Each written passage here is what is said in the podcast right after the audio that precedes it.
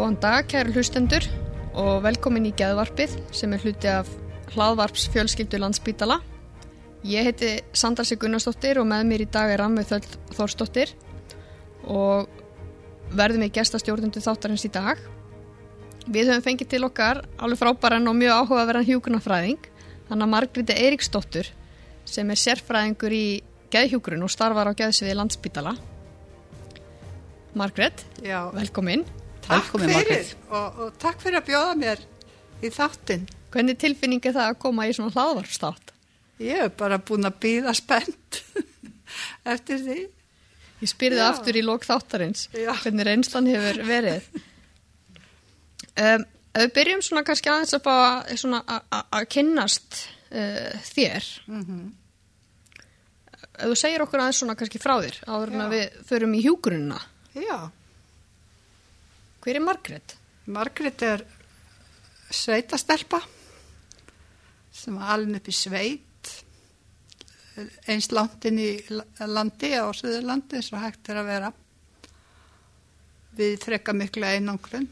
Mér er sér áður en það kom rafmagn þannig að ég man eftir þeim viðburði þegar rafmagnir kom á bæin okkar þegar ég var 12 ára gömul.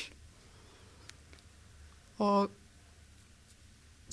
ég, ég var í svona ég lendi í því um daginn ég tók þátt í svona námskeið þar sem að þurfti allt í einu fyrir var löst að segja einmitt æfisöguna sína, hver er ég? Við blá ókunnugt fólk.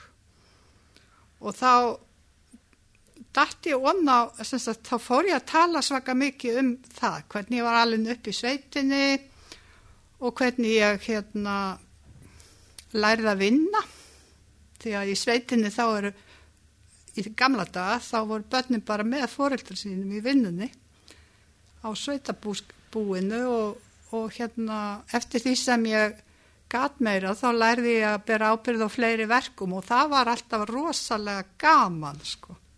Og ég man ég var óbóðslega stolt að geta gert þetta og hitt fara að geta gefið kálvónum og setna að mjölka kittnar og þetta var alltaf svona sigrar í hvers skipti. Svo fór ég að hugsa um eftir á sko, akkur, akkur fór ég að tala um þetta með sveitina og þegar ég var krakki og ég fór líka að tala um það akkur ég var hjúgrunafræðingur og það var hérna eiginlega daldi skrítið af því að ég kynntist einhverjum hjúkurunar konum eins og það hétt það þegar ég var krakki. Þannig að ég vissi þannig séð ekki valla og ég ekki fór ég á spítala þannig að ég vissi valla hvað hjúkurunarfræðingu var eða hjúkurunarkona en ég var alltaf ákveðin í því frá því ég var svona tíu ára gömul að verða hjúkurunarkona og ég held að, að ég hafi fengið hugmyndina því að við hafum kennara sem að var það alltaf hvetjandi og reyndi að hérna útvega okkur það sem við höfum, að kenna okkur það sem við höfum áhuga á. Og hann fann út úr því að ég hafði alveg einstaklega mikinn áhuga á lífæðisfræði og hérna og hvernig mannslíka mér væri byggður upp og alls konar svoleiðis. Og hann fór að segja mér frá Florence Nightingale og ég manna sagði að ég ætti að vera hjúgruna kona ég, ég hefði þannig áhuga mál og hérna og ég er sko ég veit núna ég hef það er eiginlega í persónuleikanum mínum alveg óbóðslega þrjóska. Þannig að ef ég tek eitthvað í mig þá gefst ég ekki upp á því. Og ég hugsa að það hafi verið þess vegna sem ég hugsa þetta alltaf svona sko. Ég, ég hérna allavega hjúgrunarkona og þá var ég ekkert að leggja það plan til hliðar sko. Svo lendi ég í náttúrulega svona, það var ekkert einfalt að klára það af því að ég egnaðist eldri stráki minn þegar ég var 19 ára gömul í miðju hjúgrunanámi og það var ekki alls ekki sko auðvelt að sjá hvernig ég ætlaði að klára þetta. Í þá daga þá var sagt þegar ég sagði skólastjóranum í hjúkunarskóla Íslands að ég var, hérna, ætti vona barni þá sagði hún já, það eru maður alveg skleiði frétti fyrir þig en það er það nú ekki fyrir mig sem skólastjóra. Þannig að það þótt ekki sko blasa við að maður geti klárað nám ef maður komin bann í þáttaga þannig að mér finnst stundum núna eins og ég sé alveg upp í fornöld sko. Og hvenar var þetta? Að gerast? Þetta var 1974 sem hann fættist hann er ykkur minn Þannig að á þessum tíma þá voru konur ekki að eiga börn á sama tíma og, og verið í skólanum? og verið í skólanum. Nei, það var sko nýbúið að slá af þá reglu eða þau lög að allir sem stundu hjúgrunnam þurft að búa í heimavistinni Ok. þegar þetta var og ég man að ég byrjaði í skólanum með hérna eh, eitt samnemandi minn var nýgift kona hún var einhver- einhverjum árum á undan mér í náminu og hún hérna þurfti að flytja í vistina þó hún væri gift sko Og það, alveg, það var alveg möguleiki. Mér, mér rámar einhvern veginn í sögunni þegar maður lærði um, um svona hjúkurna söguna. mm. Eins og hérna bæði með börnin og að vera gift kona þá hérna væri minni möguleiki að fara í hjúgrun eða að sinna þessu námi. Já, og það er bara sá hugsunarháttu sem þá var að þegar maður stopnaði fjölskyldu þá átti maður að vera heima hjá börnunum og en ef maður væri legði fyrir sig hjúgrun þá er það svona karriér, svona æfi starf Svolítið köllun svona Já, bara. svona köllun og þetta Já. er náttúrulega hjúgrun er náttúrulega vaksin upp úr hérna sem sagt nunnu eða þeirri hugsun sem var í klaustrum og eins og núna búið að koma í ljós að klaustrin á Íslandi voru líka spítalar þeir voru sjúkurhús þeirra tíma þannig að þar var umönnun fólks eitt, af hlutverkum nunnana og munkana. Og svo voru svona ymsa reglur sem að þróu með sér hjúknastarfið en þarna nú þetta er nú jarðvegur sem ég er sprottin úr. Það er mikið gerst í, síðan þá var. Þú ferði í hjúkurnanámi þarna 1974. já, ég byrjaði 72 Getur þú sagt okkur aðeins svona hvernig, hvernig reynsla var það að fara í gegnum hjúkurnanám á, á þessum tíma? já ég var að segja við mannum um daginn, við vorum að spekula í sko nú, nú er allt nám meir og minn á leiðin í háskóla og ég segði við hann ég, ef að það hefði verið svona háskólanám þá hefði ég aldrei geta farið í hjúgrun vegna þess að þegar ég fór í hjúgrun í hjúgrunarskóla Íslands þá var það byggt upp eins og innám maður gætt búið í heimavistinni og maður gætt hérna reitt sig á þá peninga sem maður fekk borga fyrir nema tímabilin. Þannig að maður var nokkuð sjálfbær með nám. Og ég, mínar aðstæði voru ekki þannig að ég geti treyst á á fjárstuðning frá einhverjum öðrum. Ég var að geta gert þetta á eigin vegum. En það var bara svona, ég hafði náttúrulega engan samabur, ég hafði bara unni í sjoppu og svo vann ég eitt, eitt sumar á spítalan og selfósi þá lendi ég í alls þá var ég svona til gangastúlka en maður bara lendi í öllu, búum lík og og hérna hjálpa til við fæðingar og allt þar á milli sko. Þannig að þegar ég byrjaði í hjúgrun á skólanum þá fannst, þá, þá leytið út fyrir að vera daldið langt og, og leiðilegt sko að hérna þessi námskeið og svo að vera blánemi eins og að kallað með eina bóli í kappanum, fólk náttúrulega veit ekki hvað maður að tala um nú til dags.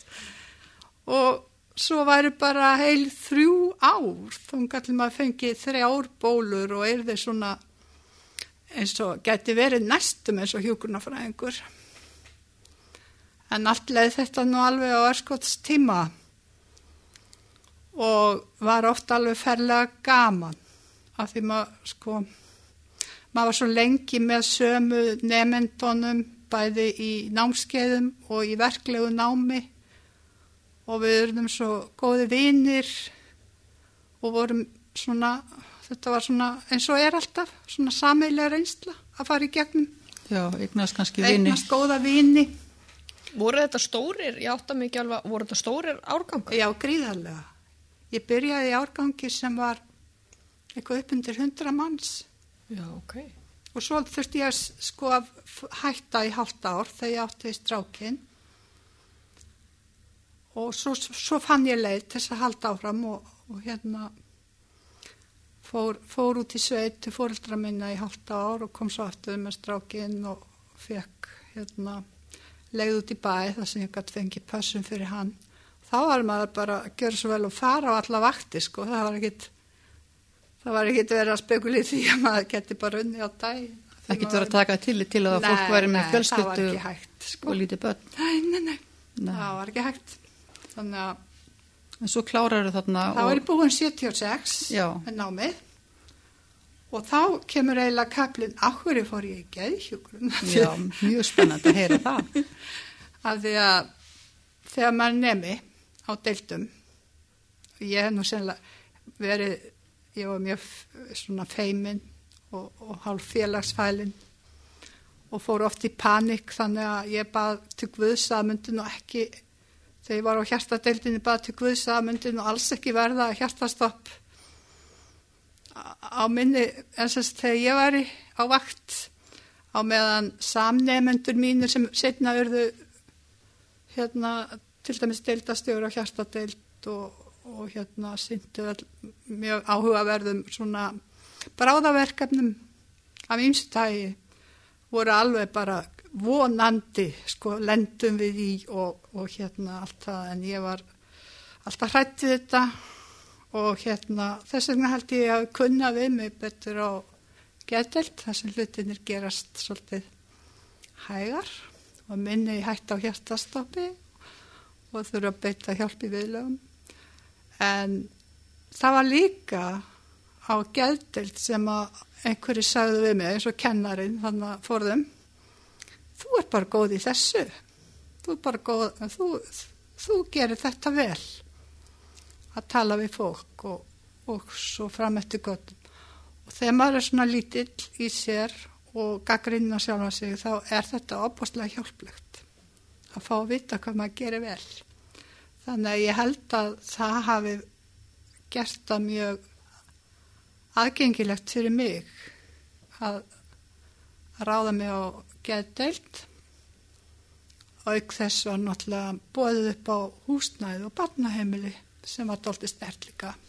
Hvar var það þá sem þú byrjaðar að geða til í kerfinu? Ég byrjaði fyrst á vistheimilin og vývilstöðum sem var meðferð fyrir áfengis sjúka og þetta var áður en þess að ákom þetta var svolítið svona já þá var þetta svo, svo, tekið til fyrirmyndar hérna afeitrun og, og meðferð alkoholista eitthvað stað í bandaríkja, við erum búin að gleyma hvað það hétt en þetta var svolítið svona nýtt þá.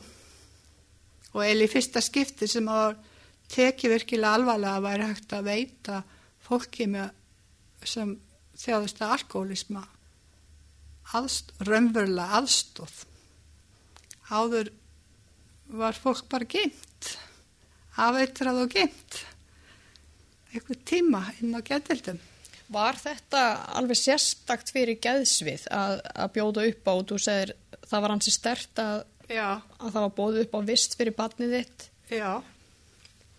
Var, var það eitthvað svona alveg sér sem átti bara við um geðsvið? Nei, ekki, ba- ekki engöngu. Það voru svona bústaður fyrir hjúkunarfræðingu upp á Reykjalundi líka. Ég man að það kom svolítið til greina. Svo andla landsbítalinn rak, þá, þá var þetta semst ekki landsbítalinn, þá var þetta klefspítalinn.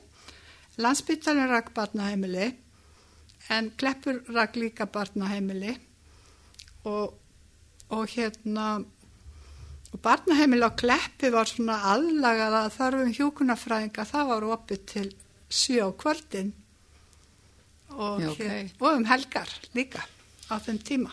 Svolítið annað en í dag. Já. Þannig að það var svona besti kosturinn fyrir utan það að, að hérna mér hafi verið sagt að ég var bara ekki staðið mig ekkert svo illa í geðhjúgrun.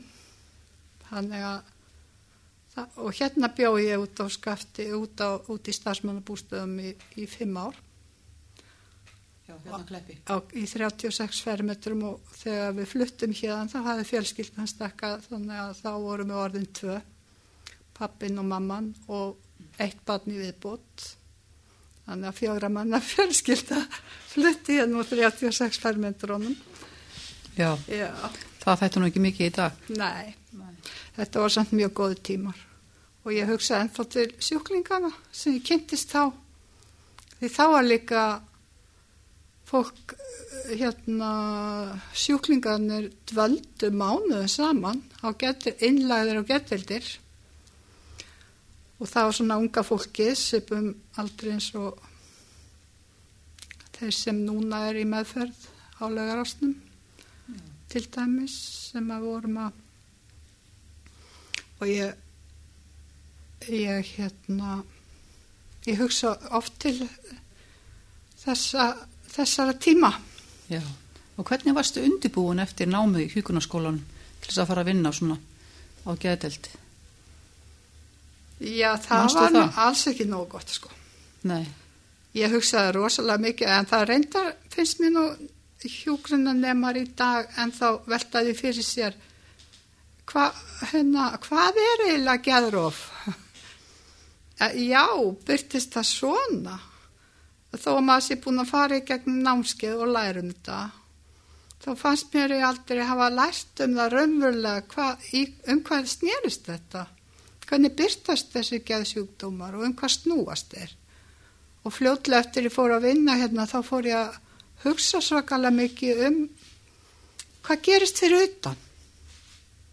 Hverju verður verða sjúklingarnir okkar veikir þegar þeir útskrifast. Þau eru kannski til til að fljótir að ná sér þeir leggjast inn losna við vestu gerðarshugsanar fara að sofa vel og geta farið að einbytta sér og, og hérna og starfa sínu og svo útskrifast þeir og þá bara eru orðin fárveikir á nokkur mánuðum aftur og ég hafði, ég man að ég var mikið að spekulir í þessu og ég fór að fara hafði mikið áhuga á að komast heim til fólks og aðtuga hvað var að gerast þar og, og allt þetta hér sem að í kringum það sem er fyrir utan. Og þá var bara mjög lítil aðstóð fyrir utan. Já, nema að það var fjölskyldan sem var að hjálpa fólki. Ég man eftir sko sjúkling, ungum manneskjum þá sem voru að hérna bara braska í því að útvega sér leigu húsnæði og, og kannski vinnu í það sem að var bóðið upp á húsnæði, fara á sjóin, búið verbúð eða, eða fara á, hérna, ég man það í Lu- á Lundi Kópavogi var svona eitthvað reisastort hænsnabú og þar var svolítið svona fólk að ráða sér vinnu þar og búa á Lundi. En auðvitað var það oft bara allt og mikið álag fyrir veikt fólk að ráða sér í fulla vinnu og, og hérna auðvitað kom fólk bara aftur til Já. okkar.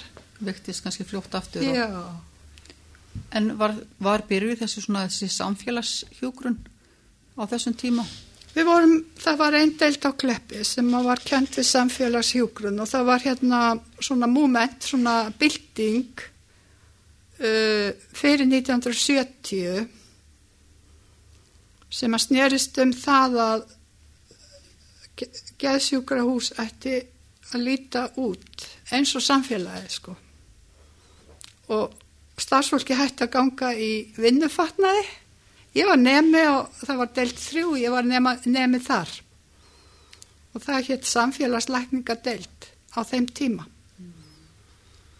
Og samfélagslækninga það snerust aldrei um það kom öruglega frá Skandinavi snerust aldrei um það að það áttu allir svona vera jafn réttháir. Þá svona borgarafundir á hverjum degi þar sem allir sjúklingar og stafsmenn sáttu saman og rættu málinn og þá var ég að vera farið og í það að ræða sko ég held að það hann nú kannski heist til undantekning en það kom fyrir, það var rætt þar hvort einhver ætti að taka lifið ekki sem er náttúrulega daldi svona Svo allir heyrðu til í, í já, og hópnum hefðu skoðun á og líka hefðu skoðun á.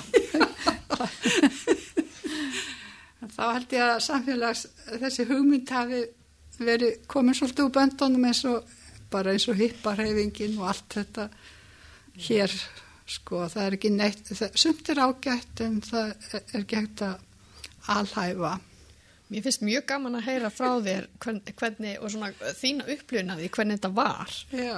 Ef að, hérna, ég meina spurningu varandi þetta, ef að, ef þú horfir aðeins svona í baksín í speilin, hvað, hvað heldur að séu svona kannski stærstu breytingarnar innan þá geðhjúgrunar, hvernig þetta var þá og hvernig þetta er í dag, svona ég veit að það er mjög margt, en svona stærstu bitarnir kannski. Já, þetta er alveg rosalega góð spurning hjá þér. Svona það er fyrir, svona, svona fyrir okkur sem að erum ekki, ekki hérna, með svona, En kannski ekki svo gott að svara henni, en samt. Stærsta breytingin sem ég finn fyrir, þegar ég tala út frá starfið mínu á geðþjónustu landsbítalans, eins og það heiti núna, hétt kleppur hérna í den, en þetta er náttúrulega sama stofnunin. Stærsta breytingin sem ég finn fyrir er að hjúgrun hefur ekki það hérna hefur ekki það vægi geðhjúgrun sem hún hafði þá. Hún hefur ekki það vægi. Við höfum mist hérna einhvern veginn slagkraftin okkar sem hjúgrunafræðingar við það að, að hérna breytum fókus og ég held að sé tvent aðalega sem að hérna hefur dreigið tennunar úr geðhjógrunni. Annað er það að við vinnum í teimum og það er mikil áhersla lagð á teimisvinnuna en um leið hefur mistekist að aðstofa hjúgrunafræðinga við átta sig á því hvert er nákvæmlega þeirra hlutverk og þeirra geta í teimisvinni og ég held það sé það sem gerir af því að hjúk engir, engin fagstætt, ég er alveg samfærið það, engin fagstætt sem starfar á geðþjónustu er eins vel til þess fallin og hjúkunarfræðingar bæði mentunarlega og þjálfunarlega að veita fólki sem er að takast á í langvinna geðsjúkdóma þann stuðning og aðstóð sem þau þurfa. Og kannski snýsta líkum það, það er hitt atrið sem að ég held að við höfum einhvern veginn mista af að aðlaga okkur, hjókunafræðingar. Það er að, hérna, að þjónustan, geð þjónustan er veitt, nú er ég að tala um geð þjónustan á landsbyttanum, hún veit um skamman tíma. Við, við erum alltaf með tímamörk og við erum með þessi teimi þannig að skjólstæðingurinn hann fer inn í eitthvað teimi til þess að fá þar viðegandi þjónustu og það er tímamörk á því þannig að þegar hann er búin að vera þar tilskilin tíma eða ná tilskil, tilskildu sem er veitt í þessu teimi þá fer hann úr því teimi og fær ný, nýja meðferðaraðila eða jáfnvel enga. Ég held að sé það sem að gerir sko, það er þessi samfella sem að er aðal hjúgrunnar og við, það er svona annur múment eins og samfélagslækningan er í gamla daga, það er þessi sko að það eigi að taka skamman tíma að hérna veita fólki tilskilta þjónustu þess að batna af einhverjum geðræna veikindum.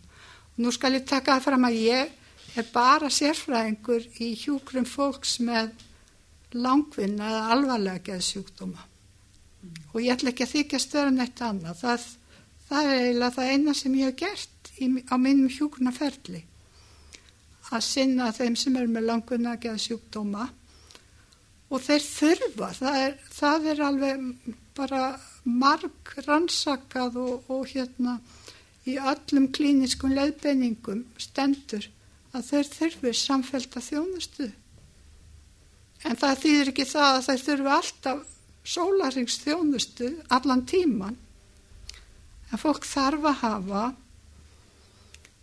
hérna, málastjóra eða meðferðaraðila sem fólk getur leita til þegar eitthvað fyrir úrskeiðs. Já, og finnst þér, er það rétt skil ekki að þú ert að meina að hjókurunin hafi kannski finnst aðeins út í þessum teimis þróun Já. með hvernig var áður? Já, ég held því sem meina það rannveg að áður meðan, Já, meðan ég var deildastjór á, á Kleppi sem ég var í einhver 20 ár var í hinnum ymsu deildastjórastöðum á Kleppi.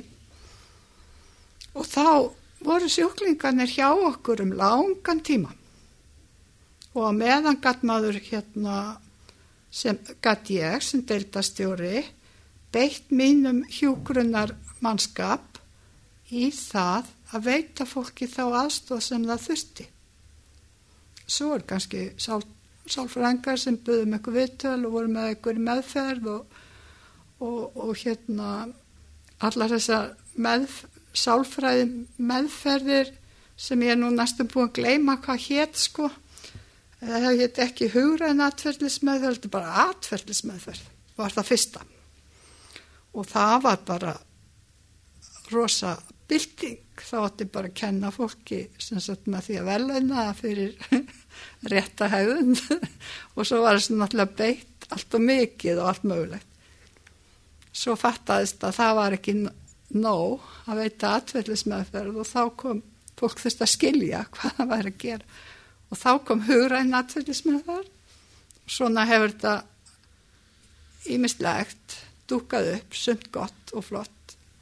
Allt breytingum háð náttúrulega. Allt breytingum háð Mér finnst bara svo gaman að heyra hvað þetta breytist mikið. Já, Þegar maður er svona sammála. nýr eins og, eins og ég að þá einhvern veginn sér maður heiminn bara eins og hann er núna. Já, ég gerir það líka, mér finnst gaman að rifja þetta. Og hérna, Ég er ekki að hugsa um þetta alla daga, sko. nei, en þetta er hérna, mjög áhugavert. Mér finnst líka, sko, þegar þú segir, uh, ég vona allan að ég hafi verið að skilja það rétt eins og með, sko, hlutverk hjúgrunarfræðinga og hvernig kannski við sjáum okkur sjálf og hlutverk okkar, að við séum kannski van, ég tólkaði þannig, við værum kannski að vannýta kraft okkar eða, eða þekking okkar. Eða kannski hafa, kannski finnst mér stund- stundum að við reynum að efla okkur styrkja með því að sækja hérna aðferðir og þekkingu annað. Eins og til dæmis á tímabölu fór allir að læra hugra natfyllismæðferð til þess að beita henni vantarlega, eh, ég veit ekki, en á meðan kannski höfum við mistaði að hugsa um hvað get ég gert sem hjúkunarfræðingu til dæmis hérna hvar eh, að því allt þetta fólk okkar, allir skjólstæðingarnir okkar þurfa að lifa í samfélaginu. Þannig að, að hérna hjúkunarfræðingar þeir geta beitt sér miklu meira heldur en við gerum að við förum einhvern veginn yfir vekkistofnunar og fylgjum fólkinu okkar eftir út í samfélagi en við erum svo mikið fast í þessum römmum hérna Það er þessi eftirfylgd og þessi tími og já, já. að hérna Erum við að flýta okkur á mikið í dag? Já, ég veit það ekki. Ég held að við flýtum okkur ekkert meira heldur en, heldur en bara, ég hugsa að sé alltaf svona hæg fljótandi, nú, hérna, þetta fellur svona fram, kannski Já. bara eins og, eins og strömvatn, Nú, breytingarnar. algjörlega, þetta er frábært að heyra þessa, hérna, þetta er ómöðulegt að hafa þessa sögu. Verður að skrifa þetta eitthvað tíma í, í bók. En, en þú talar um það áðan að þú væri sérfræðingur í hjúgrun Já. og, og þá sérfræðingur sérstaklega í, í meðferð fólk með langvinna Mm. geðrannar áskoranir. Mm. Hver var nú leiðin? Hvernig, hvernig varstu, hvernig gerist það að þú varst sérfræðingur? Það gerir svona eins og halgjört happening eins og margt annað í mín lífi. En þegar ég var búin að vera, sko ég var mjög fljótlega deildastjóri þegar ég reið mig hérna á klepp eftir að ég lauk hjúgrunnáminu 76. Þá kom, eins og var ekki, var frekar algengt á þeim árum að það kom mjög fljótlega upp þá svo staða fyrir hjúgrunafræðingar sem voru í fullri vinnu að þeim, var- þeim var sagt að nú var hérna bara staðan svo að það væri lengin til þess að verða deildastjóri á viðkomandi deild nema viðkomandi hjúgrunafræðingur. Það var ekki eins og í dag að þetta sé hefi umsóknarferli. Það var bara sem sagt sá sem var með kannski mesta starfsreynslu og, og hérna var í fullri vinna og kannski snúið svona upp á hendina og viðkomandi að verða deltastjóri. Og það hendaði mér ágætlega því ég var með lítið batn og ég vildi ekki verið vakt, helst ekki verið vaktafinu. Þannig að þess vegna var ég deltastjóri en ég var náttúrulega alveg rosalega hérna fannst ég vera mjög vannáttu og, og hérna ekki kunna þetta.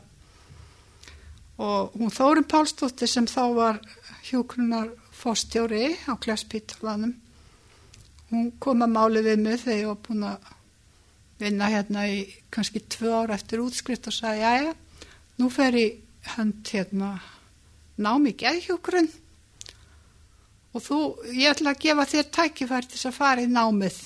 Og ég sagði, nei, ég er búin að fá nóga skóla, ég var að klára. Já, það verður ekki annað tækifæri, sagði hún. Ég rá, ráleikar eindreið að fara bara í námið, við græjum bara það að þú hérna færð að gera þetta, þú fær bara námsleifi á launum og svo vinnur það bara upp á eftir. Og ég gerði það og þetta var bara ágættist nám, tveggja ára nám í geðhjúgrunn að hætt norskri fyrirmynd. Þetta er meistaranám, eða ekki? Nei, nei, nei. Nei. Þetta hétt bara sérnám í geðhjúgrunn eftir hjúgrunarskóla Íslands. Og, Já, auðvitað, já, já. já, já, Þetta er áður en að hjúgrunni er komin á háskólasti. ég er gömul. og ég fór í það nám og ég var með þeim yngri í hópnum. En það var, líka, það var mjög gott nám og gott að kynnast líka hjúgrunarfræðingum sem að hafðu langast starfsreynslu og hafðu nú drifið sér í nám. Og ég lærið margt. Og svo, svo var ég bara deildastjóri hérna í næstu ára á eftir, kannski, ég ætla ekki verið upp undir tíu ár sem ég í deildastjórastöðu á hundum og þessum deildum og egnast aðna batn og svona. Og þá fór ég að hugsa, hérna, já, nú lítið ég að vera búin að vinna mér upp svo mikið námsleg aftur að ég þurfti að fara að nota það, það kom alltaf ekki greina að fara neitt úr landið að þannig, þannig að með börnin og svona, það, og við vorum að berjast í því eignast húsnæði og allt í gangi, þannig að ég, hérna, hugsaði, ég drif mig í sérskipulagt BS-nám og, og þá var svona daltil tókstreita meðal hjúkunafræðinga, BS-hjúkunafræðinga og hinna sem voru með gamla námið. Og við sem voru með gamla námið vorum kannski daltil þar að hugsa, sko við kunnum þetta, við fyrir ekki bæta eitthvað, við, við látum okkur ekki hafa, hafa okkur í það að vera að fara í háskóla til þess að bæta ykkur við, við kunnum þetta. En mér fannst þetta alveg kjörinleið til þess að nýta hérna námsleiðið mitt og fá smá frí frá þessari vinnu allir í. Og það gerði ég og þá voru komna tölfur. Áðan var það ramagn, nú er það komna tölfur. Það var vist ekki eins og í dag. Þurfti að læra eitthvað heilmikið skipana kerfi til þess að geta skrifað eitthvað og svona. og ekki var nú internet eða tölvupústur komin þá, nei, nei. Já, já, en maður, læri, maður bætti ímsu við og stundu var ég að hugsa, já, hvers skollin, það var svona skildufög eins og lífæðisfræði og, og þetta var svolítið torfa að læra þetta og, og mjög stórmerkilegt. Og ég hugsaði, já, hvers skollin, þetta læriði maður aldrei í, í hérna an, anatómi eða lífæðisfræði hjá henni hérna Lilju Pettersen í gamla dag í hjúknarskólanum þá og ég fór og sótti gamle bækuna mín og fletti upp og það sá ég að þetta var allt þar. Ég bara myndi það ekki neitt en ég hefði gott að læra þetta aftur Anatómian hefur breytist ekki mikið mittla ára hana. Nei, og heldur ekki, sko, það var alls konar upplýsingar um lí, úr lífelsfræðinu eins og hvernig var það frumur eru og svona ég, man, já, já. En sko, þú, þú talar um nú, hérna, útlönd á þann mm. sko, það, það hefði verið erfitt fyrir þig að mm. flytja út til þess að fara í nám. Mm. Varst að skoða eitthvað þar? Var, voru fleiri möguleikar þar?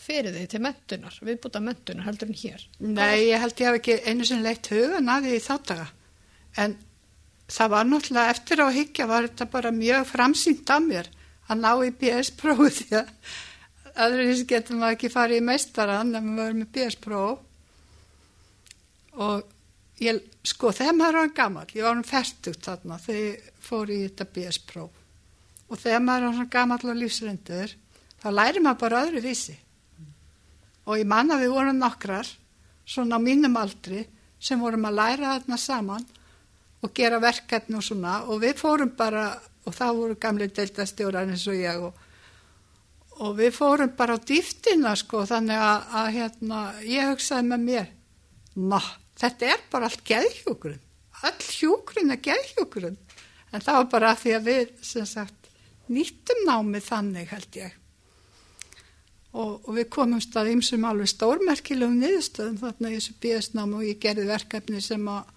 hérna, hjálpuði mér að skilja ímislegt eins og til dæmis hvernig það er að þurfa að flytja inn á öldrunarstofnun þegar maður sem sagt, ég tók svo leiðis viðtöl og, og hérna við fólk sem hafði þá lífsinneslu og vann úr þeim.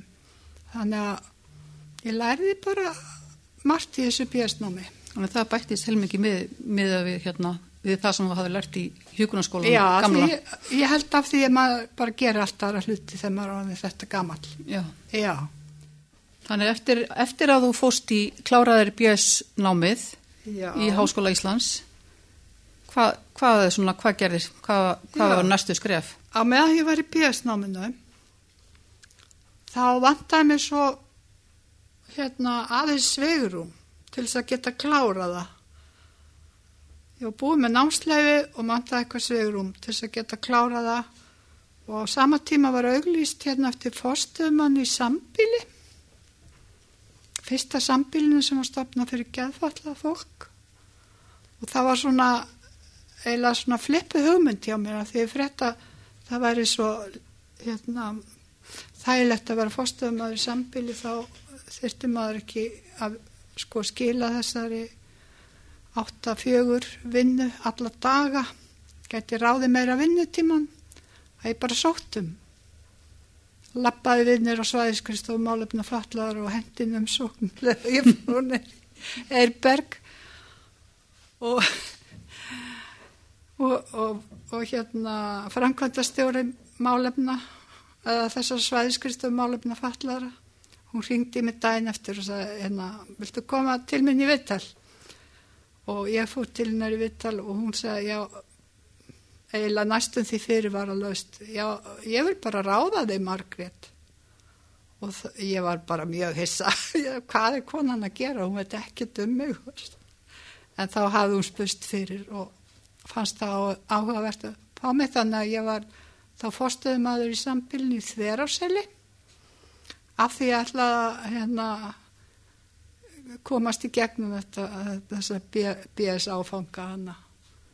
En það var bara ábyggilega einhver aðri, aðri hand sem styrði því að ég fór þar einn því það lærði ég mjög margt um það hvernig það er fyrir fólk að búa fyrir utan spítala sem er að takast á alvarleg geðran veikindi. Þarna byggu fimm einstaklingar sem voru sennilega þeir sem að gekk vest að batna af þeim sem þá voru á geðdeildunum eða sem hétt þá, ég man ekki alveg hvort við héttum kleppur þá en þá.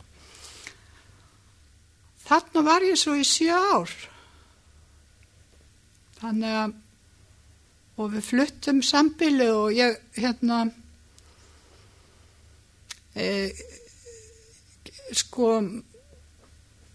ég setti alla mína krafta í það að reyna að búa til hérna stofnun sem að gæ, gæti borið sig miða við sko það er, allt, það er ekki hægt að reyka sólarhing sambili fyrir fimm manneskjur af því að það verður, manninu verður svo reykala dýr. Og þetta þannig að við fórum í að stekka sambilið upp í 14 íbúa og flytja í annað húsnæði og svo, svo bara fljótlega eftir að ég hætti þarna þá sagt, var komin þessi nýja stefna að setja að sko að bjóða upp á búsettu kjarna eða þjónustu kjarna sem fólk geti fengið sólarings aðstóð en búið samt í sín megin í búðum. Þannig að þetta sambili var svona batsins tíma, það var herbyggja sambili. En ég lærði líka mjög margt þar. Og, og margt af því sem ég hérna svona, mér finnst að vera svona grunnþekking hjá mér núna var til þar. Núna þegar ég sé frængur í hjúgrunn inn á spítalan en það var líka hálfgjört happening hvernig ég var sérfræðingur í hjúgrunn því að þegar ég var búin að vera á sambilni í sjö ár að vera fórstæðum ára sambil í sjö ár þá langaði mér svo að komast aftur einhvern veginn inn í spítalan og fór að skoða auglýsingar og þá var vantaði hérna deildastjóra á gangudeildin á neður á ringbrödd 31 gungudelt geð sem var þá svona blöndudelt það var náttúrulega bráðaþjónastan var þar en það var líka verið að sinna fólki með langtíma þjónustu svona fólk sem að þurft að koma og fá eftir lítjúkunarfræðings og forðarleif og slíkt og á þeim tíma voru sem sagt eiginlega tvær gungudeltar með svipuverkefni bæði á kleppi og neyra á landsbytala. Þetta var allt áhugavert og spennandi að vera komin þarna með yfir borðið aftur. Og svo þegar ég var komin þarna nýra á ringbraut þá fór ég að hugsa um það að það væri og ég hérna hafði fyrirmynda því að hjókunarfræðingar sem unnu þarna þeir voru að hérna taka mestaranám með vinnunni. Mér fannst þetta anskoti eitthvað að blasa vel við og þá var ég búin að vera með þetta BS-prófi hvað þrjú fjögur ár og, og blasa svolítið vel við að fara í meistaranám og, og taka það bara á laungun tíma með vinnu stutt á milli geð deltabyggingar og erbergs þetta er bara alveg upplagt. Og það var það líka tók mig að vissu kannski einhverju annur sjö ára að klára mestaranámið og ég notaði það rosalega mikið bara til þess að, að beita því á það sem ég var að vinna með þá. Bæði hérna ra, sko rannsóknar aðferða kursana og, og tölfræðina og, og allt bara. Og þá hérna fór ég að vinna með mælitæki sem heitir Camberwell Assessment of Needs. Til þess að þá var hlutamestarinn á minni var svona stór rannsók og uh, ég held að það veri svona upp undir helmingur að náminni sko einingarnar sem átt að fara í þessar rannsók það var svo fyrirferðað mikið. Hvaða ári erum við að tala um hérna? Úps, við erum að tala um 19 sko það var rétt um 2000 já, í kringum 2000 ég kláraði námið 2010 Þannig allan tíma sem að þú hefur verið starfandi sem í hugunarfræðingur þá ertu búin að vera að halda áfram að menta þig. Já, svolítið svona Og núna já. ertu komin í ennþá hæra, komin í dóttarsnum Já, það er það er í rauninni út af þessar meistararannsókn sem ég lendi í doktorsnáminu vegna þess að ég gerði þessa rannsókn sem var þá daldi tímamóta rannsókna því þetta mælitæki sem mælir þarfir fólks með alvarlega langvinna geðsjúkdóma metur þarfir og hvort að fólk er að fá aðstofið að uppfylla þarfinnar og er í rauninni hérna, mælitæki sem hefur alveg haldið og staðið fyrir sínu alla göttur síðan það var búið til fyrst um 1990 og þýtti á alveg fjöldamörg tungumál og mikið notað í klínik og ég, ég Pál Bjering var leitbeinandi minn og, og hérna hann var að reyna að skilja hvað mér langaði að gera sem sagt, mér langaði að koma staði hverjar er þarfir fólks með langvinna geðsjúkdóma.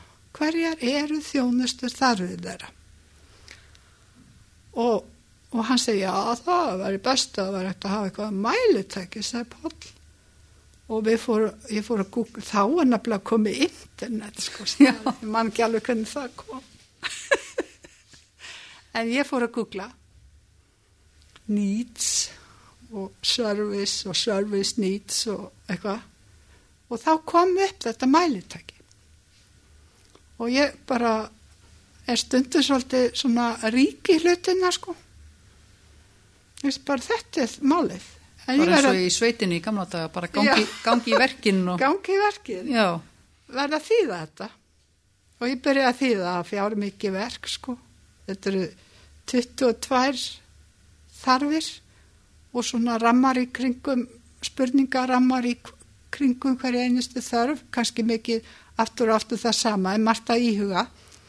Og ég þýði þetta og þá var nú farið að benda mér á að þetta var nú kannski ekki nóg gott að nota þetta svona bara lauslega þýtt, þannig að ég fekk hérna eitthvað styrk til þess að láta bak þýða það mælitækið og svo fann ég hérna lífskeiða mælitækið sem er til á íslensku sem er í rauninni bara mjög merkilegt mælitæki og elþróað en hefur verið mjög lítið notað í geðinu sko. Þó það hafi komið það sem Tómas Helgason og félagar þróið þetta mælitæki upp úr 19, eh, 1990 svona melli 90 og 2000 HL prófið það ekki HL prófið nefnilega. Já. já. Og ég gerði meistararansóknum með þessum tveimur mælitækjum og þá sagði Pál, já, miklu smartar að hafa svona bæði eiginlega og meginlega nálgun á rannsókn. Nú, já, þá gerum við það bara sem. bara til í það. Sem mistar rannsókn. Já. Þetta hefur verið gríðarlega mikið. Já, en það var sagt að hérna nefndin sem að, sem sagt, prófnefndin, þau sagðu, herðu, þetta er doktors þegar allt var búið. En hérna ég gerði þá hérna svona rínihóparansók ég hafi gert lítið verkefni í eh, rannsókna aðferðunum um rínihópa og þá áttæði ég mig á að þetta er bara mjög sniðu aðferð. Til þess að miklu sniður aðferð til þess að komast að svona hérna heilt yfir að viðhorfum fólks heldur að taka djúbviðtöl af því þá ertu með svo einangraða reynslu hvers og eins sko. En þarna getur við verið með nokkra rínihópa og haft svona 5-6 manneskir í hverjum hóp. Og þetta var allt fólk sem hafi reynslu á því hafa, hvernig það hafi náð bata frá alvarlegum geðsjúkdómum. Og þau sagðust hafa reynslu af því og buðu sér fram í rínihópa rannsóknina út af því og við bara náðum þarna mjög flottum þremur rínihópa viðtölum sem voru nokkuð samhljóða um hvað fólk þarf til að geta náð bata og hvað er erfitt að fá ekki. Og þetta var hlut af mestararannsókninni, bæði þessi rínurhópar og svo þessi tvö, leggja fyrir þessi tvö Já, mælitæki. það var meginlega hlutin, þannig að mælitæki með helsutengt lífsgæði Já. og Camberwell Assessment of Needs. Og það var fólk sem fekk þjónusti á gangudeldin á Kleppi sem voru þáttakendur í, í meginlega hlutanum. Hitt voru, var fólk sem var í hérna, félagsmiðstöðunum, vindvöl og læk. Skrifaður greinar? Nei, þetta var nefnilega alveg, sko, þetta er aldrei viðkvæmt mál. en þú getur nú samt leiði að því. Já, þetta átti ég að skrifa greinar, sko. Já. Já, já. Og mér var marg bent á það að ég hef átti að skrifa greinar. En ég... Var það kannski ekki svo mikið þarna að, að, að, að fólk væri að gera meistararansókn og skila frá sig grein, svona eins og í dag. Já. nú er það mikið til Já. mælt með því að maður skili frá sig grein en ekki rítgerð Já, það er búið að breyta skipulæðinu svolítið í doktorsnáminu sem ég er í núna. Þá þarf maður að skrifa þrjárgreinar og gera svo svona skýslu sem er sem, sagt, sem að leggur til grundvalla doktorsvörninni sjálfri. En þegar ég var í mestaranáminu þá var sko engin, þá gæt maður náða alveg pró, mestaraprófinu bara með skýslunni mm. eftir rannsóknuna og ég bæði það að ég er nú ekki góð í ennsku og svo líka það var engin þrýstingur Engin kvartning að skrifa grein? Nei, það var ekki, sko, ég bara gatt og, og hjá mér var aðal áhugin með að fara í mestaranám var að gera veginn í klínikinni til góða, láta að koma fram í klínikinni hvað ég var að vinna og það hefur alltaf verið alltaf hugsun hjá mér að það nám sem fólk fer í, hjúkunarfræðingar fari í, það þurfi einhvern veginn að bæta klínikina. Gagnast bein? Gagnast hjúkurinninni, já. Mm -hmm.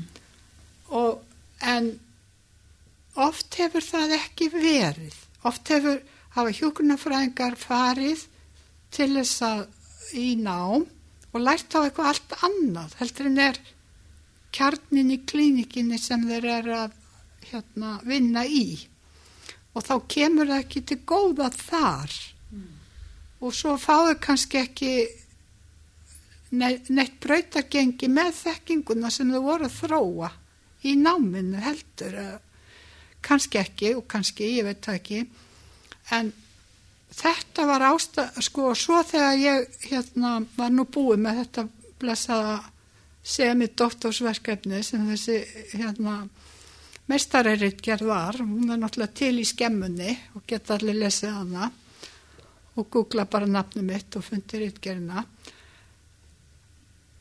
þá held ég náttúrulega að byðu bara allir hérna allt með samverka fólk á geðfjónustin, byðu bara eftir þessu hérna þessum niðurstöðum og svo færum við að vinna bara samkvæmt þessu en það er bara ekki nokkuð maður áhuga á því Varstu að kynna? Að ég sjálf, já. en ég hef lært að senna já. að við hjókunarfræðingar, við þurfum, ef, ef okkur ekki bóði sæti við borðið, sem var nú svolítið raunin þegar ég hætti að vera deildastjóri, þá hætti maður að hafa sæti við borðið, sko. Þá er maður bara komin á gólfið. Og og hérna það var kannski ástæðan fyrir að ég fór í, í hérna í, að vinna í því að verða sérfræðingur í hjúgrun eftir kláraði mestaranámi ég ætla það var pælingi sko að komast í stöðu sérfræðings í hjúgrun á geðþjónstunni til þess að fá sæti við borðið og tókst það? Já Þú þurfið að segja það? Var það leiðin? Ég hugsa að ég verði verð sest við borðið svona um sjötugt Já. Já, ég hugsa það, ég er Já. ekki komið þangað en, en hérna Hvernig upplifun var þetta þá fyrir þig? Ég menna þarna varst að útskrifast með meistaragráðu, mm. þú varst búin að þýða uh, eila dokt og doktorsverkni. Þú er búin að þýða hérna tvo matslista og Já. þú er búin að vera með þrjá rínihópa með ákveðna niðurstöður. Hvað hva, hva vantaði? Var bara ekki hlusta á niðurstöðnar eða var ekki áhugið til þess að fara með það? Hvernig, Kanski, hver er þín upplifin af þessu? Jú, sko, ég upplifaði eins og áhuga leysi en kannski var það það að ég kunn ekki að koma mér á framfæri. Það getur vel verið að sé það. Og ég lærði það að setna á einhverju rástefna sem ég var á og þá sagði allir keynote speakerarnir. Þetta var rástefna sérfrænga í húgrunn og allir keynote speakerarnir sagðu þrýr eða fjórir sko, ef að þér er ekki bóðið sæti við borðið til þess að taka ákvarðanir sem er þá þarfst þú bara að koma með stólinn með þér og setjast í borðið og það er kannski það sem ég er ekki sérstaklega góð í. En ég, ég er svona að reyna að bæta mig því og, og þess vegna er ég í dóttorsnámi núna. Að þegar ég var búin að gera þetta mestarverkefni og alveg samfærið um það sjálf að þetta er gaglegt mælitæki og þetta ættum við að geta nýtt, þá hef ég náttúrulega nýtt að sjálf í klínik til þess að meta og, og vinna út frá. Og hérna ég hugsaði voða mikið um það eftir, eftir hérna mestarnámi hvernig er hægt að halda áfram með þessar rannsóknir?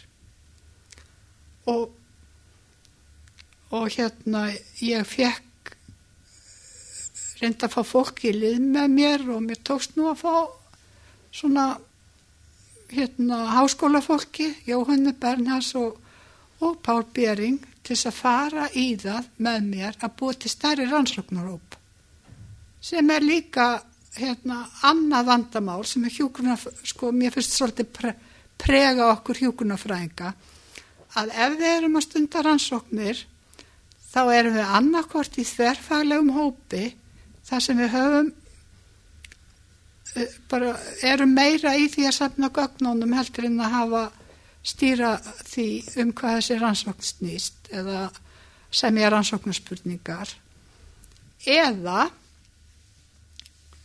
við erum einirkjar að gera einhverja rannsókn á því sem ég einn hef áhuga á og engum öðrum finnst það áhugavert eða, eitthvað, eða nýtað ekki.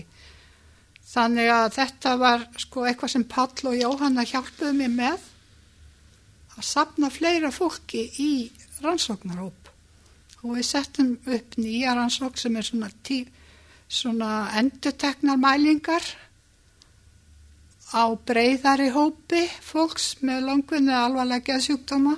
Og hvað heitir svo rannsók? Hún heitir Æ, ég man aldrei hvað hún heiti, ég það alltaf copy-paste hann Mástu hvað hún heitir hann?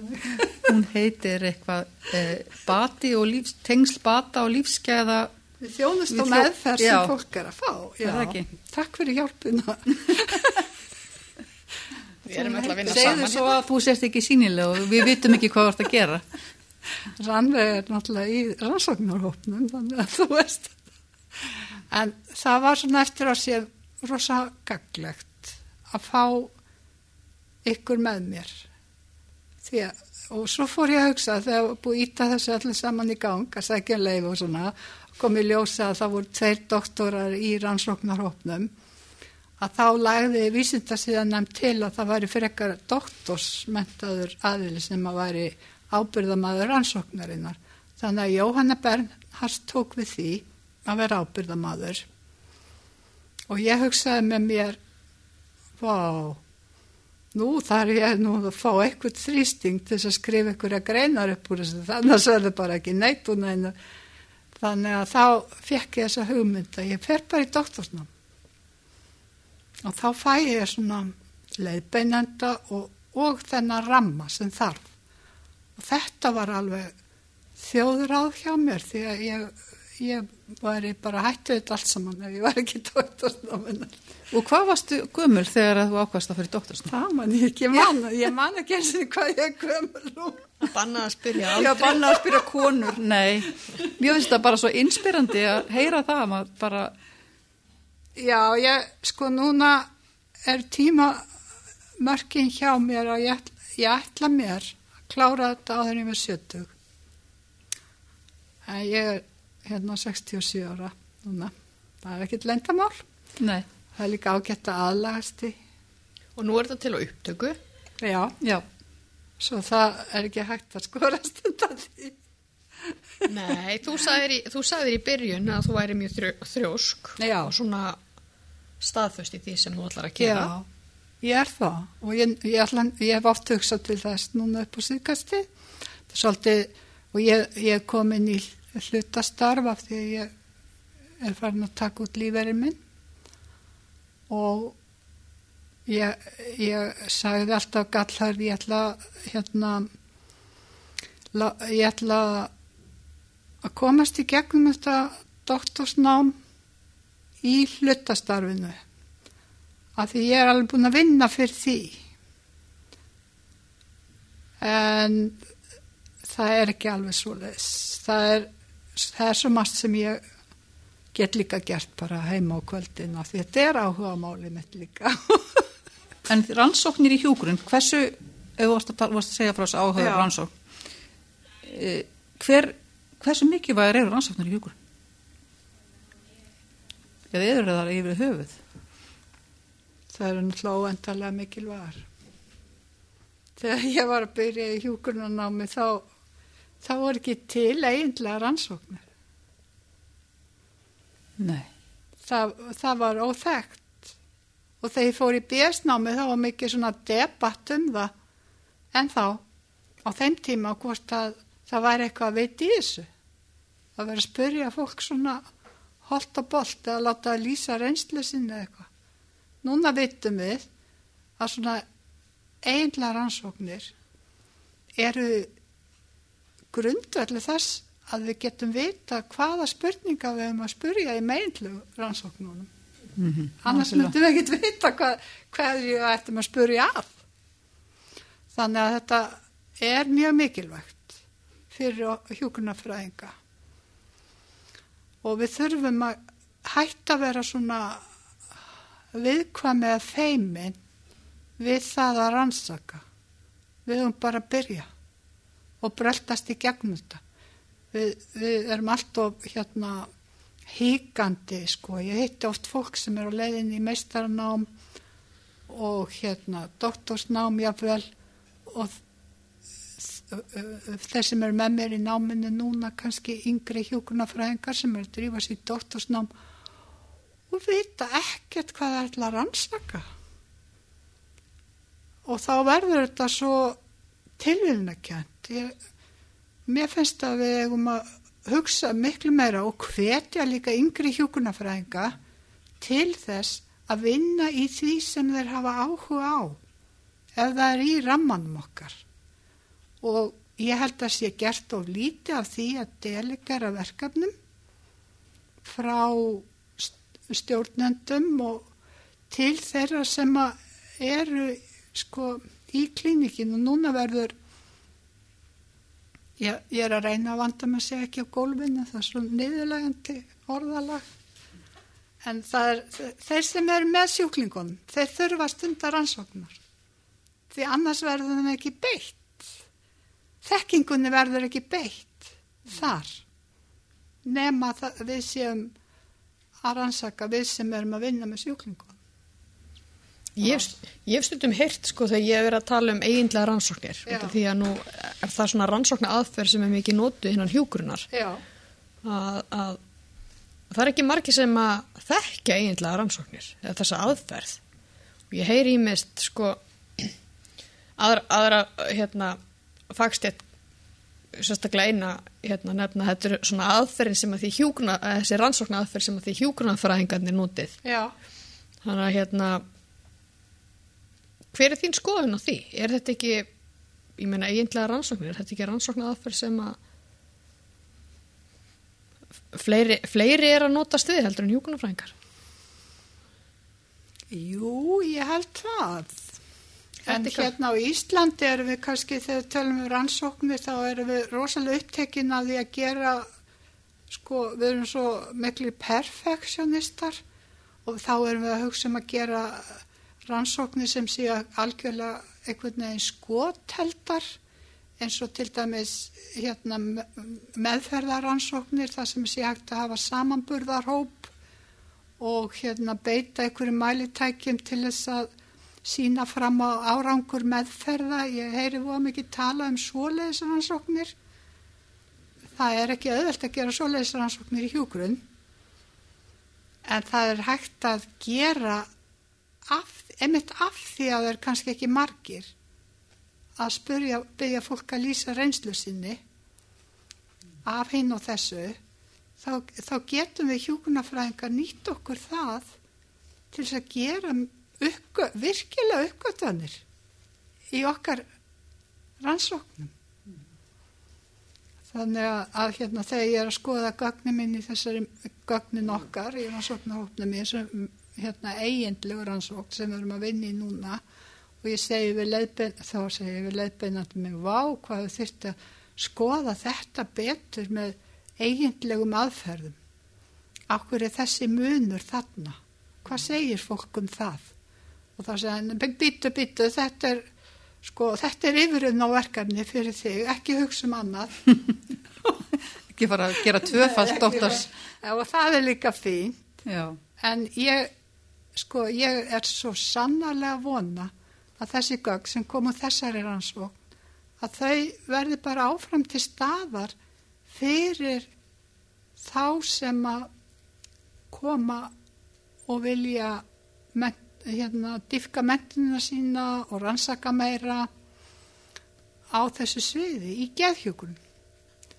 Þannig að ég er vonað að þessi gögg alveg lifi mig sko og líka hugmyndirnir um hvað þurfi meira að rannsaka þar. Og þá er þetta virkilega sko eitthvað sem við hefum að halda í að nota eigindlegar aðferðir. Ímiskonar eigindlegar aðferðir sem eru sko í vaksandi mæli eru þeir virtar sem rannsóknar aðferðir og eru það líka. Maður bara þarf að vanda sig að tólka alveg ekki út frá nokkrum viðtölum og svona en Vist, heyrast svo vel í, sko, þegar ég er að hlusta á því, það heyrist svo vel, það skýn svo vel í gegn hvað þú hefur umverðlega áhuga á þessu viðfangsefni. Já. Sem að þú er búin að, hvað var maður að segja, tilenga lífiðina eða bara. Já, takk fyrir það Sandra, það gleði mig að heyri það. Já, ég er algjörlega sammála því. Já, takk fyrir það. Ég ætla mig líka að hérna nota sagt taka stólinn og, set, og komast að borðinu og fá það sæti til þess að hafa leggja mitt loð á vogaskálanar að, að þessi mælitæki sem ég hérna hef unnið með núna í tveimur rannsóknum að þau verði nýtt í klínik ah.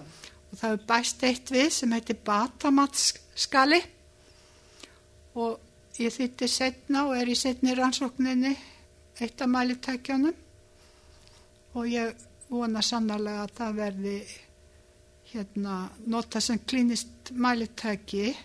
Því að nú, nú erum við komin að þá elda, við erum mjög, bara sem betur fyrir, mjög upptekinn af því að notendur þjónustunar eigi að hafa virkilega mikið um það að segja, hvernig eigi að,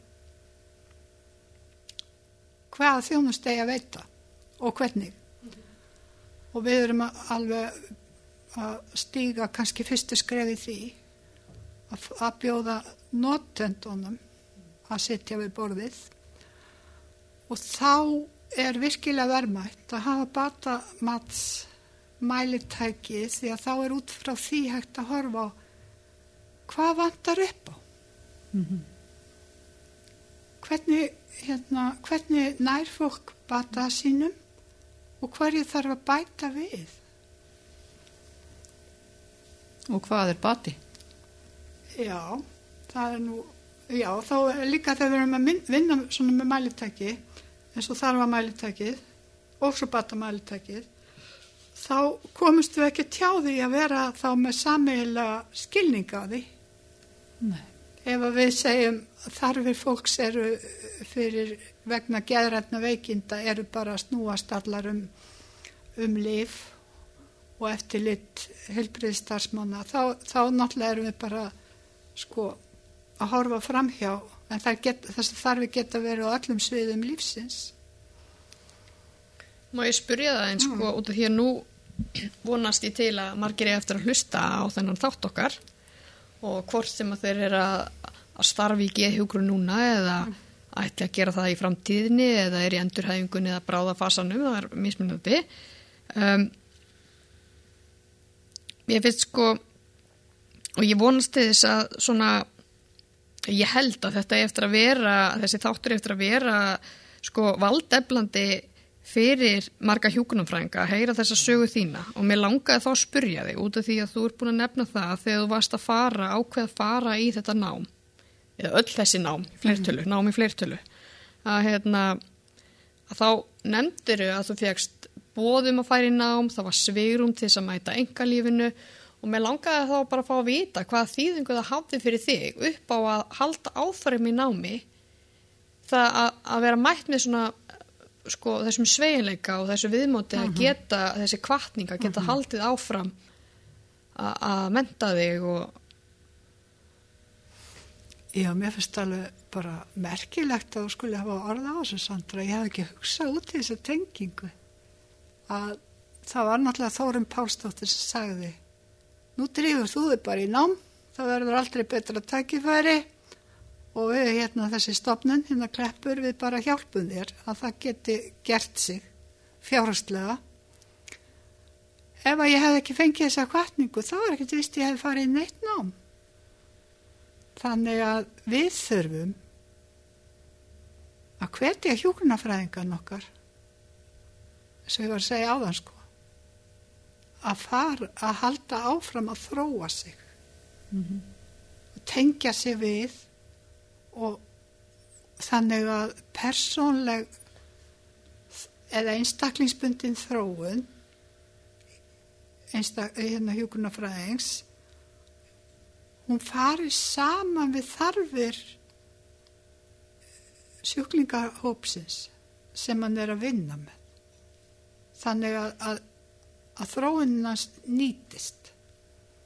Þá erum við sko þá erum við að gera rosalega áhugaverða hluti og þegar þekkið að þegar hérna, við erum í hjókunarfræðinga hópum sem er að gera eitthvað, ná einhverjum árangri í einhverju, hvað við erum glöð og hvað við erum samtaka. Ég hef oft verið í svoleiðis hérna hópum. Það gefur virkilega að gera hlutina saman. Það er gott og nefnir þetta svona út af því að það er líka svona það sem að okkur langar að gera með þessu fagráði mm -hmm. innan stopnunarinnar er að vera sko þessi meira samvinna eða bara samtal um geðu hjúgrun um hvaða verkefni er í gangi að fólk fái um eitt sæti við borðið að sé ekki bara stjórnendur eða þeir sem hafa heyrt af verkefnunum að þetta sé vettvangur þar sem að fólk heyrir af því sem er í gangi og getur bóðið sér fram og fengið að taka þátt og svona. Þannig að mjög, gott að heyra þetta frá þér. Og vonandi bara, nú erum við með þetta náttúrulega upptöku, þannig að hérna vonandi að, það, að það verði raunin að fólki eftir að upplega það þannig að það hafi frekar, frekar í tækifæri til þess að geta komið að verkefnum. Já, og stuðningin til þess að að halda áfram og læra meira og, mm -hmm. og mhm. gera sem meira gildandi og, og taka þessa fórustu svolítið. Það finnst einmitt nefnir þetta með fagráðið. Þetta er náttúrulega alveg grundvallar tilgangu fagráðs að vera sameilu vettvangur, vettvangur hjókunarfræðinga mm -hmm. til þess að tala saman og leita hvert til annars Nú, ég bað hérna kollega okkar um viðtal í morgun, eða ég bað hann um viðtal fyrir nokkrum dögum til þess að leita hjá hann í ráða á sviði sem ég þekk ekki nóg vel. Og ég skrifa hann í post og sagði þú ert nú sérfræðingur á þessu sviði, getur þú gefið mér þrjá tímyndur og hún flytti sér að skrifa tilbaka, ég er alls engin sérfræðingur. Og við erum svolítið svona eitthvað í því að vera ekki sérfræðingar okkar svið en ég að við getum hjálpa hvert öðru að gangast við því. Heldur þú þá að fólk sé viðkvæmt fyrir titlinum? Eða hvað? Já, við erum svo mikið í því kannski hrættar við að vera hérna, það sé ekki, það eigi allir örgla að vera bara jafnir. Það er enginn að vera að trana sér neitt, Nei. sko, eða eitthvað svoleið, sko. Svolítið partur af sjálfsmyndinu stundum. Þetta er eitthvað, eða hvað er þetta? Er þetta eitthvað ávann eða eitthvað? Ég veit það ekki. Ég veit það ekki heldur. En nú fer að svona sig á setni hlutan hjá Já. okkur og mér langar, sko ég hef náttúrulega mjög mikið áhuga á uh, bara hjúgrunn og náttúrulega ungum hjúgrunafræðingum og, og bara öllum hjúgrunafræðingum svo sem. Og mér langar að spyrja það spurningu hér. Hvað myndur þú segja við þig, Margreti, sem að væri að stíga sín svona fyrstu skrif sem hjúgrunafræðingur í dag? Já. Allir myndi ekki bara segja það sem ég segi alltaf í hjúgrunna nefnana að fyndu bara fjölina þeina þú ert góð í mörgu en þú hérna kannski þarft að geta valið hvar þú vilt vera. Og halda svo bara áfram að byggja utan á það sem þú hefur áhuga á og það sem að hérna, þú ert góð í og þú hefur áhuga og ég held ég myndi segja við Margréti líka líta á þetta sem langklaup ekki einhvern áfanga sem maður afgreðir heldur og ég hef marg oft sagt að við hjúgrunafræðingar það er náttúrulega hjúgrun og fólk sem er ekki hjúgrunafræðingar en ég vil að verði hjúgrunafræðingar hjúgrun er svo rosalega áhugavert fag að því við getum valið um svo margt að sérhæfa okkur í. En við verðum aldrei verður, við verðum aldrei góðir hjúgrunafræðingar bara í öllu. Við þurfum að sérhæfa okkur. Og þá finnum við að við erum sem sagt að gera góða hluti þegar við sérhæfum okkur í því sem við höfum áhuga á. Já, þetta hérna eru frábær loka orð, Margrét. Og hérna og mér langaði kannski bara svona, alveg loka lokin að sko heyra hvað svona bara hvað viltu standa fyrir og hvað, hver viltu svona þín arleiði verði? Fyrir hvað viltu að við, við munum eftir Margréti fyrir Þetta er nú að svolítið langt gengir Hvernig líkistum maður vil hljóta Nei, ekki alveg kannski þannig. Nei, fyrir ekki að ég er bara grínast. Já, ég veit það. Ég er að skrifa á Facebook um daginn það var að vera að auglýsa svona pappakistur. Já, svona IKEA kistur og ég kommentar á þess að ég vil svona. Og það var ekki nokkur maður sem tók undir þetta ég veist að þetta er svona viðkvæmt En tökum þetta skrifum Já, ég vil ekki að, sko, ég vil alls ekki muni eftir með sem gamlu konunni með sjalið og þessi með sjalið hérna í dag. Hann að, en ég held að arleiðin mín til hjúkunarfræðinga, ég vil að hún verði, það er aldrei úr seint að, að hérna vinna hjúgrun.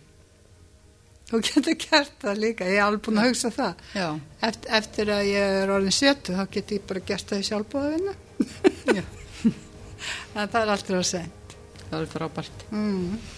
Það eru takk, ég bara fyrir hönd okkar söndru þá bara takka ég því fyrir Margrét fyrir að koma að tala við okkur hérna í dag Takk ykkur miklu frekar, það búið svo gaman að vera með. Mjög skemmtilegt. Já, mjög skemmtilegt og þá er geðvarpunni lokið að þessu sinni og við viljum þakka þér hlustandi góður kærlega fyrir samveruna.